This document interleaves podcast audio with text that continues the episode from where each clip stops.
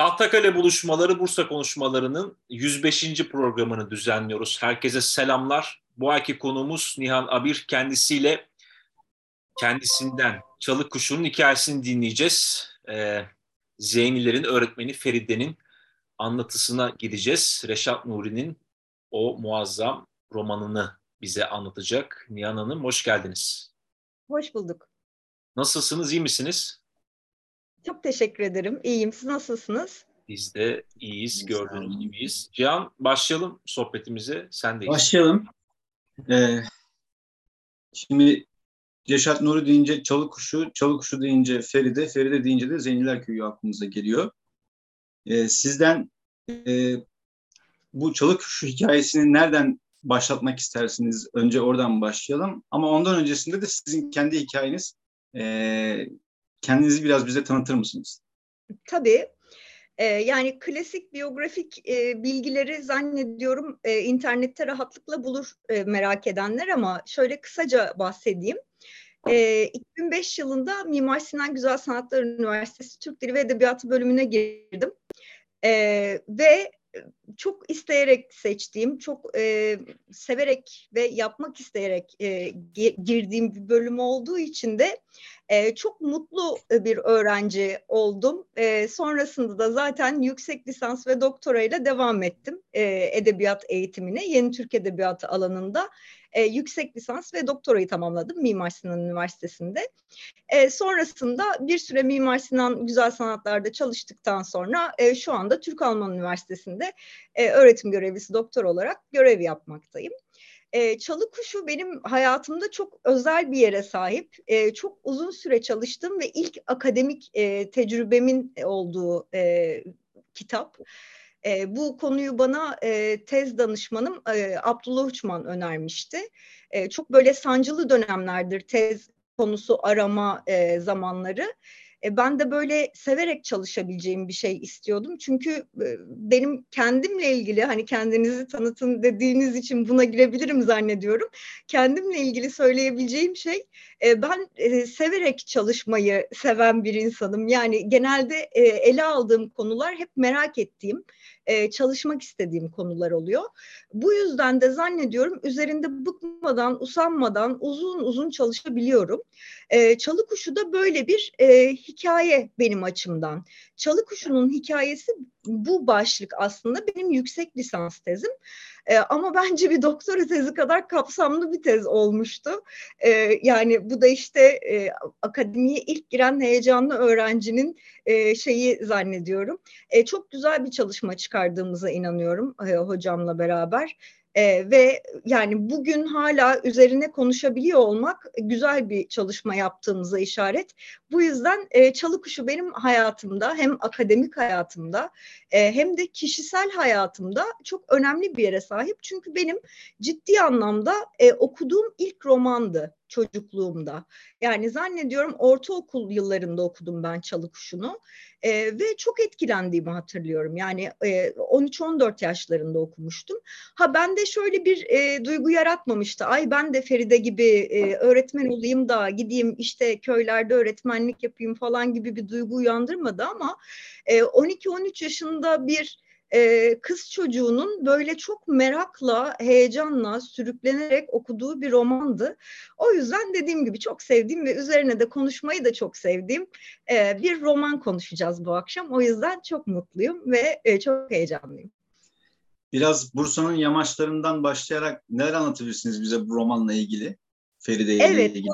Bununla ilgili e, şöyle aslında Çalı Kuşu'nun enteresan bir e, serüveni var e, aslında sosyolojik olarak e, çok böyle büyük bir vaka bu roman. E, çünkü aslında amacını da maksadını da aşmış bir roman. Başladığınız zaman e, yani genelde edebiyat tarihlerinde çalı kuşu hep e, şey olarak değerlendirilir. İşte e, Reşat Nuri'nin zaten en e, popüler romanı ve onun için de aslında Reşat Nuri'nin yazarlık serüveni için de e, böyle ilk eserlerinden biriyle bu kadar popüler olması sonrasında da hep onunla anılmasına yol açıyor. Yani sonrasında çok fazla eser vermiş olmasına rağmen biz Reşat Nuri'yi hep çalı kuşuyla anıyoruz. E, dolayısıyla e, çalı kuşu e, bir böyle e, kızların ya da kadınların öğretmenlik yapması ve e, kendi ayaklarının üzerinde durarak Anadolu'ya gitmeleri yolunda ciddi bir şey açmış döneminde. Tabii bunda dönemin ruhu da etkili oluyor. Çalıkuşu ile ilgili e, Bursa'dan girerek ne, neden bahsedebiliriz? E, Feride'nin gittiği ilk yer e, Bursa. Dolayısıyla e, Feride işte klasik bir aşk hikayesi aslında öyle başlıyor roman. Bu arada belki şundan da bahsetmek gerekir. E, bu önemli bir durum çünkü çalı kuşu açısından. Ben e, tezimde de bunu incelemiştim. Bizim e, aslında şu an okuduğumuz Çalı Kuşu Reşat Nuri'nin yazdığı ilk Çalı Kuşu romanı değil. E, romanın Feride Zeynilere gidene kadar olan bölümü epey değiştirilmiş yazar tarafından. Ee, başlangıçta 1922'de yazıyor Reşat Nuri romanı. 1922'de yazdığında e, hep anlatıcının gözünden gitmiş roman. Zeynilerden itibaren yazar romanı günlüğe çevirmiş. Şimdi bu nasıl bir e, şeye sonuca yol açıyor? 1937'de de romanı değiştiriyor Reşat Nuri ve değiştirme sebebini de şey olarak açıklıyor. İşte ben bu romanı ilk önce İstanbul Kızı adıyla bir piyes olarak kaleme aldım diyor. Maalesef İstanbul Kızı piyesi yok ortada. Bunun içinde bayağı e, şehir tiyatroları arşivlerine falan bakmıştım ben. Bu piyes maalesef şu an e, bulunmuyor e, arşivlerde. Belki bir gün bir yerden çıkmasını umut ediyorum ben. E, sonrasında e, ben diyor bunu anlatıcı gözüyle anlattım ama bu bana romanın çok büyük bir zaafı olarak göründü sonradan. E, ve 1937'de tabii Sedat Simavi de işin içine giriyor o dönemde. Yönlendiriyor Reşat Nuri'yi ve romanı tamamen günlük olarak değiştiriyorlar. E, bu defa ne oluyor? E, o Zeynilere, Feride Zeynilere gidene kadar olan kısım anlatıcının gözünden anlatılırken bir anda günlüğe dönünce roman tamamen Feride'nin bakış açısından anlatılmış oluyor. Ve biz romanın ilk bölümünde Feride ile e, Kamran'ın ilişkisine dair ayrıntıların birçoğunu kaybediyoruz. Sadece Feride'nin hatırladıklarını öğrenebiliyoruz. E, bu sebeple aslında e, Bursa'ya gelene kadar olan kısımda bir takım değişiklikler var. Ama ana mevzu değişmiyor. Ana mevzu Feride e, işte annesi ve babası vefat etmiş bir çocuk. Teyzesi ve babaannesi, anneannesinin e, konağında büyüyor. Kuzenine aşık, kuzeniyle nişanlanıyorlar. İhanete uğruyor ve ihanete uğradığı için mesela bu şeyde çok enteresandır. 1922 baskısında Feride ihanete uğradığını öğrendiğinde çok böyle o mektubu uzun uzun okur e, Kamran'ın e, o kadına yazdığı mektubu ve e, ilk tepkisi şey olur. E tamam ne var ki bunda herkes e, nişanlısını aldatıyor falan gibi bir tepki verir. Yani bu şu an bizim bildiğimiz çalı kuşu için e, imkansız bir tepkidir mesela. Çünkü burada başından itibaren çok gururlu bir Feride var. E, sonrasında mektupta e, mektubu getiren kadın Feride'ye şunu söyler 1922'de e, sizin kimsesiz bir kız çocuğu olduğunuzu ve e, eğer sizinle evlenmezse sokakta kalacağınızı söylüyor Kamran. Ve Feride bunun üzerine işte benim bir diplomam var ben öğretmen olurum diye düşünerek diplomasını alıp konaktan kaçıyor. E, dolayısıyla Bursa'ya geliş hikayesinde böyle ufak bir farklılık var 1922 ve 37'de. Ama Bursa'ya geldikten sonra dediğim gibi Zeynilerden sonrası tamamen paralel gidiyor. Ama Zeynilere gelene kadar ilk önce biliyorsunuz Bursa'ya gelir. Ee, Bursa'nın bu roman açısından şöyle bir önemi var. Ben bu romana Bursa açısından hiç bakmamışım. Ee, bu program sayesinde aslında bir de bu gözle bakmış oldum. Benim için de çok faydalı bir tekrar okuma oldu. Ee, Bursa romanda en fazla e, yeri teşkil eden, ya, e, en geniş e, yeri teşkil eden bölge olarak, şehir olarak görünüyor. Evet. Çünkü Feride ilk öğretmenliğine burada başlıyor. İlk önce Bursa'ya coğrafya ve resim öğretmeni olarak tayin ediliyor.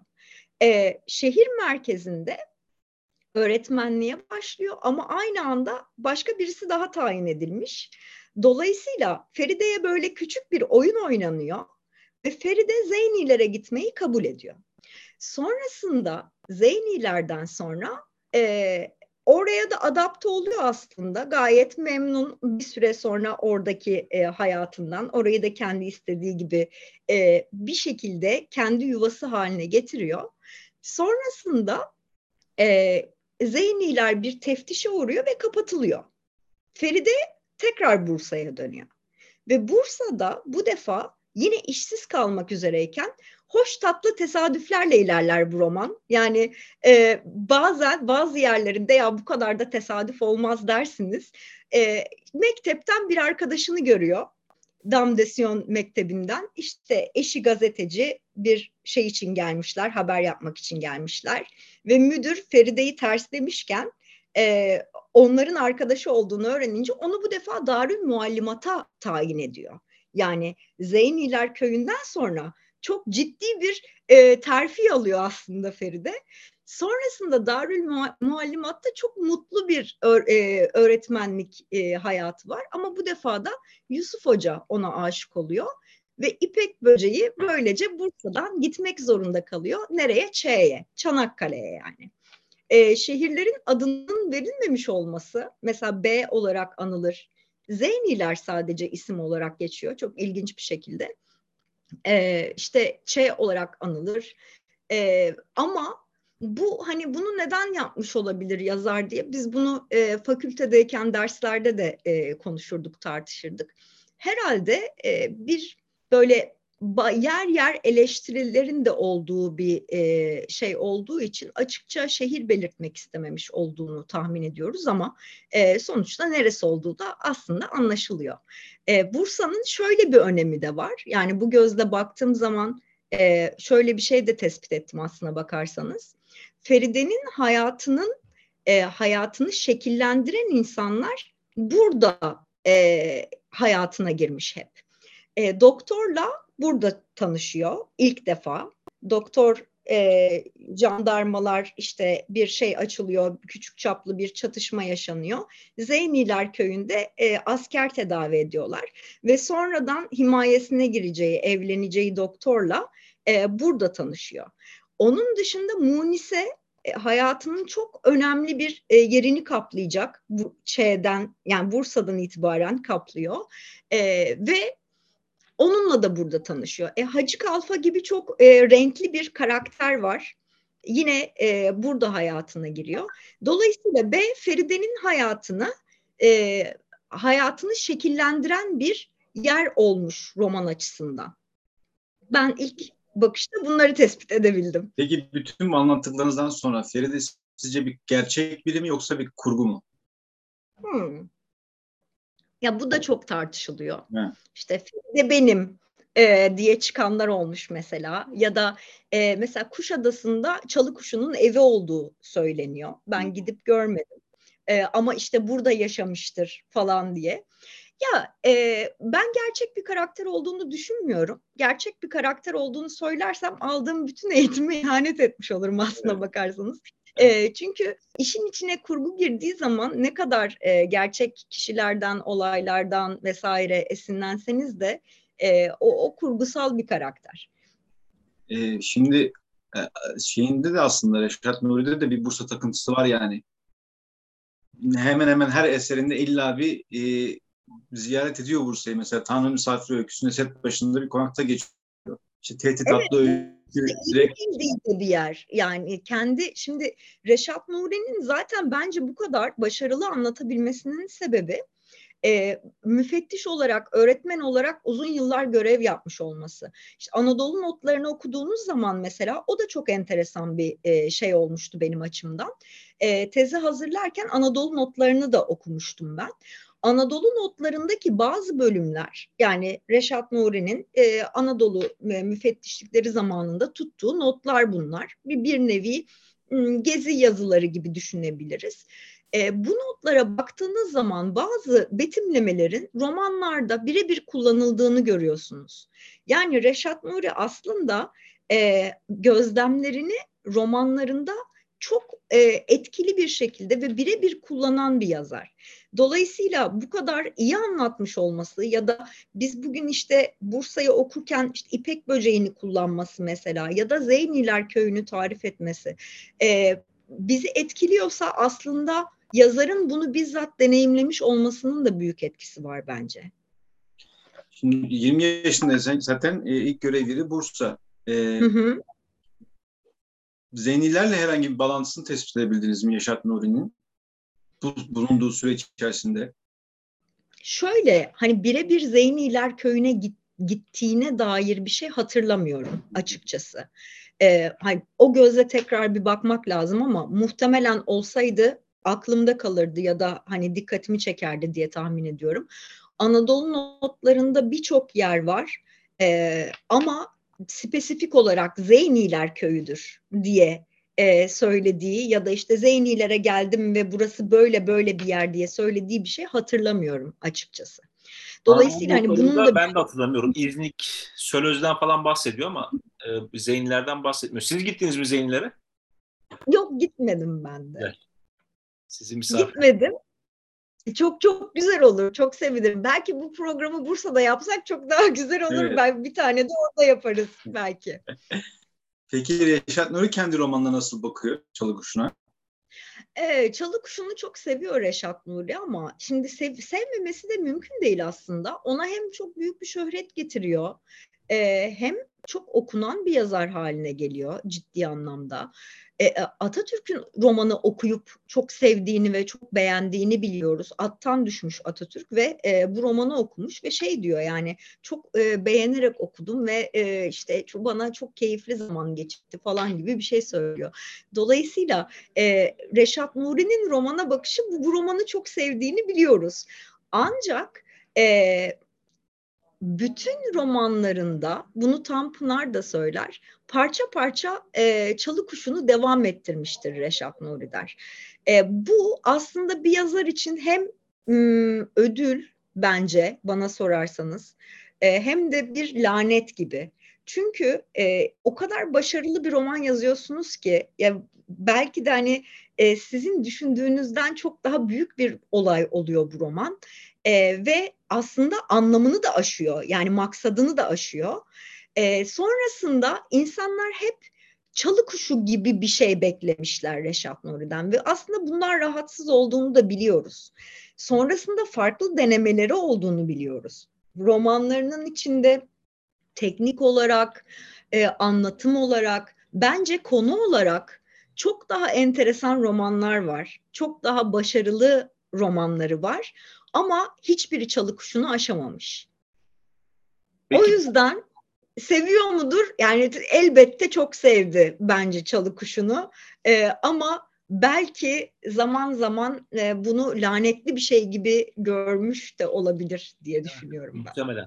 Peki şeyi merak ediyorum. Belki izleyenlerden, dinleyenlerden de aynı soru kafalarından geçiyordur burada. Feride ismi karakterin. Çalı kuşunu Hı-hı. nasıl alıyor bu lakabı? Onunla alakalı bir hikaye, bir anı var mı? Onu anlatsanız bize. Aklınıza geliyor. Feride'nin çalı lakabını alması mı? Alması. Evet evet. Tabii tabii bu romanda geçiyor zaten. Ro, evet. e, şeyde 1937'de de 1922'de de e, bu geçiyor. Yani şey yapan, e, yer alan şeylerden biri. E, çünkü 1922 ile 37'yi karşılaştırdığınız zaman dediğim gibi romanla eklenen, çıkarılan, e, değiştirilen ifadeler tabii bu biraz dönemin e, ruhu işte Osmanlı'nın son döneminde yazılmıştır roman 1922 1937'ye geldi kurulmuş ve işte 10 yılını aşmış. Dolayısıyla o şeye uygun, dönemin ruhuna uygun değişiklikler de yapmış Reşat Nuri. Ee, bunu alma sebebi Feride'nin, e, Feride çok haşarı bir kız çocuğu e, sürekli atlayan, zıplayan, işte e, oradan oraya koşan, türlü muzurluklar yapan, bu ara bu e, 37 baskısında yani bizim bugün okuduğumuz romanda bu daha fazla e, köpürtülmüştür. Feride'nin yaramazlıkları ve şeyde geçirdiği zaman, e, o işte okulda geçirdiği zaman. Çünkü Feride'nin hatırladığı e, okulda geçirdiği zaman dolayısıyla hani konakla ilgili ya da diğer kısımlarla ilgili dediğim gibi bilgiler büyük ölçüde yok olmuş. E, Feride çok yaramazlık yaptı. Sürekli işte e, dallara, tepelere, e, ağaçlara tırmandığı için e, böyle bir lakap alıyor. Ee, yine işte konakta kiraz ağacına tırmanır mesela. O, o kısmı da çok severim ben. İşte bir adama şey atar çekirdekleri, kirazları adamla konuşurlar. İşte e, adam şey der işte sen çok güzelsin. Feride de böyle güzel kız mı olur? Feride kendini hiç beğenmez çok uzun bir zaman. Sonradan farkına varır güzelliğinin. E, o yüzden de e, bu işte yaramazlıkları, haşaralıkları e, ve sürekli bir yer tırmanması e, dolayısıyla aldığı bir lakap. Çok da fazla lakap alıyor bu arada Feride roman boyunca. İşte çalı kuşu bunlardan ilki. E, onun dışında İpek böceği Bursa'da. Her gittiği yerde bir lakabı var aslında. İşte e, Gülbe Şeker, şeker lakabını. Aynı anda söyledim. Tabii tabii. Tabii Gülbe Şeker lakabını alır. Bunlar ee, aslında hatta biraz şey işte, böyle bizim Bursa'nın belleğinde yer alan e, terkipler. Dolayısıyla iyi çalışmış dersine Reşat Nuri. Değil mi? Evet. Kültürel öğeleri kullanma açısından gerçekten çok e, iyi, başarılı bir yazar o anlamda. Peki o e, çıktığı döneme gittiğimiz zaman e, dönemin entelektüelleri ne diyor Çalıkuş hakkında? Hmm, bu, bu da çok enteresan bir konu Cihan Bey aslında. İlk çıktığı zaman e, olumlu tepkiler kadar olumsuz tepkiler de var. Mesela Yakup Kadri'nin e, Çalı Kuşu ile ilgili ilk yayınlandığı dönemde e, çok olumsuz bir yazısı var. E, bununla ilgili de, de tezde bir bölüm vardı benim. Okuduğumda çok e, şaşırmıştım mesela. Biz hani e, edebiyat tarihlerinde e, hep böyle çalı kuşunun çok sevildiğini, beğenildiğini, takdir gördüğünü falan okuruz. İlk yayınlandığı zaman 1922'de e, çok beğenmeyen kişi olmuş. Yani bunun işte e, basit bir aşk romanı, çok tesadüflere dayalı olduğu, işte e, abartılmış bir karakter olduğu, olay örgüsünün zayıf olduğu e, gibi çeşitli eleştirilere maruz kalmış. Ancak mesela Yakup Kadri'ydi zannediyorum yine. E, sonrasında e, bu yazısını e, düzelten başka bir yazı daha yayınlıyor. Diyor ki işte ben o dönemde anlayamadım bu e, romanın ne kadar değerli bir roman olduğunu. Dediğim gibi maksadını aşınca roman bir böyle sosyolojik vaka haline gelince e, tabii İbre o zaman büyük ölçüde çalı kuşunun hep övülmesi yönüne dönüyor. Yani o 1922'deki muhalif beğenilmeyen e, çalı kuşu 37'den itibaren hep böyle sevilen, takdir gören bir e, hal almış. E, ne zamana kadar? İşte 70'lerde, e, 80'lerde edebiyat eleştirmenleri bunu biraz daha böyle teknik açıdan ya da e, Reşat Nuri'nin romancılığı açısından e, değerlendirdiği zamana kadar aslında. Uyarlamalarına ne dersiniz peki? Ya uyarlamalar e, ne, ne diyeyim uyarlamalara? Son uyarlama bence çok kötüydü. Evet. E, hatta hani üzerine bir şey yazmak istedim e, elim varmadı öyle söyleyeyim size. E, çünkü hani e, izlerken ya Kamran e, romanda sarı çıyan olarak anılan bir karakter. Sarı çıyan olarak anılan bir karaktere nasıl e, Burak Özçivit oynatılabilir bilmiyorum. Yani hani tamam elbette uyarlamalarda değişiklikler olur. E, bazı şeyler eklenir, çıkarılır. Ama eğer dönem e, işi yapacağım diyorsanız bu çok iddialı bir şey bence. E, dönem işi yapacağım diyorsanız belli ölçülerde romanın e, ana çerçevesine bağlı kalmak durumundasınız diye düşünüyorum. Oyunculardan da gerçek bir aşk oldu sonrasında evliliğe döndü. Belki oradan e, evet bu romanın böyle bir şeyi var bence. Böyle bir özelliği, böyle bir havası var enteresan bir şekilde. E, böyle garip bir e, şey herhalde bu. Ama mesela Aydan Şener'in oynadığı Evet Çalı onu soracak, söyleyecektik. Aslında yani. bizim için son Çalı Kuşu hemşerimiz Aydan Şener'dir yani. Evet, evet. bence de öyle. Yakışıyoruz ee, yani. Kesinlikle. Mesela Aydan Şener'in Feride e, olması bana hiç şey gelmiyor. Yani rahatsız etmiyor evet. beni. Sırıtmıyor. Ya da, e, sırıtmıyor gerçekten. E, ama dediğim gibi diğer uyarlama e, hem içerik olarak hem karakterlerin oturması açısından çok e, iyi olmadı gibi düşünüyorum. Ben zaten çok uzun soluklu da olmadı yani o, öyle de bir durum var. Tiyatroya da birçok uyarlandı değil mi? Evet tiyatroya tiyatroya baleye en çok uyarlanan edebi eserlerden biri aslında. Yani balesi olduğunu biliyorum Çalıkuşu'nun. E, operası olduğunu biliyorum. E, tiyatrosu e, oldu. işte dizi oldu. E, film oldu. Yine Türkan Şoray'ın oynadığı da bir film var. E, Çalıkuşu'nu oynadığı. E, yanlış hatırlamıyorsam ki e, vardı. E, dolayısıyla birçok e, farklı sanat alanına da uyarlanmış bir şey e, kitap.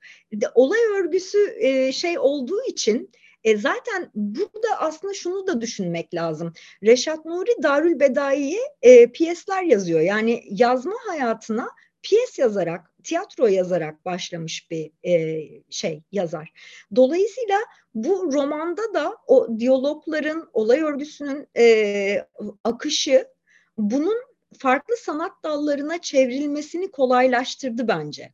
Yani roman ilk olarak piyes olarak yazıldığı için e, yine benzer bir değişimi kitaptan piyese de e, daha rahat yapabildiler herhalde diye düşünüyorum. Ee, Nihan Hanım sizin bir makaleniz var. Çalık Kuşu'nun yazarı tarafından yeniden yeniden üretilmesi hususunda son işte bugün e, yazsa nasıl bir üretim yapardı minvalinde bir cümle kuruyorsunuz, bir soru atıyorsunuz ortaya. Ben de size buna o zaman bunu tevcih edeyim, bunu yönlendireyim. Siz ne diyorsunuz? Nasıl yazardı?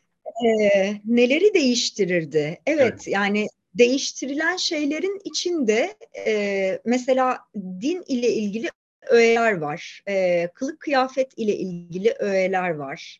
E, Feride Kamran ilişkisi değiştiriliyor. Mesela Ferit çok belirgin değişikliklerden biri. Feride ideal bir Türk kadınına dönüştürülmüş aslında. Yani Türk kadınının e, beklenen, arzulanan Cumhuriyetle beraber e, istenen Türk kadını formu Feride'de e, vücut bulmuş diyebiliriz. İşte hem eğlenceli hem narin hem e, seviyor hem e, edepli işte hem çalışkan, anaç falan böyle bütün her şey e, hem güzel hepsi var yani Feride'de. Feride mükemmel bir şey olarak görünüyor. Mükemmel bir kadın olarak görünüyor. E, bu çok zor bir soru bence. Şu an değiştirse neleri değiştirirdi? E, bilmiyorum Feride bu kadar gezebilir miydi? Çok emin değilim. Belki de daha e, küçük bir e, gezintiden sonra Feride'yi e, şey yapabilirdi. Kamran'a kavuşturabilirdi diye düşünüyorum. Onun dışında e, şey olabilirdi. E, bu ilişkiyi bu kadar değiştirir miydi ondan çok emin değilim mesela. Feride'yi bu kadar, Kamran'ı bu kadar e, yok eder miydi?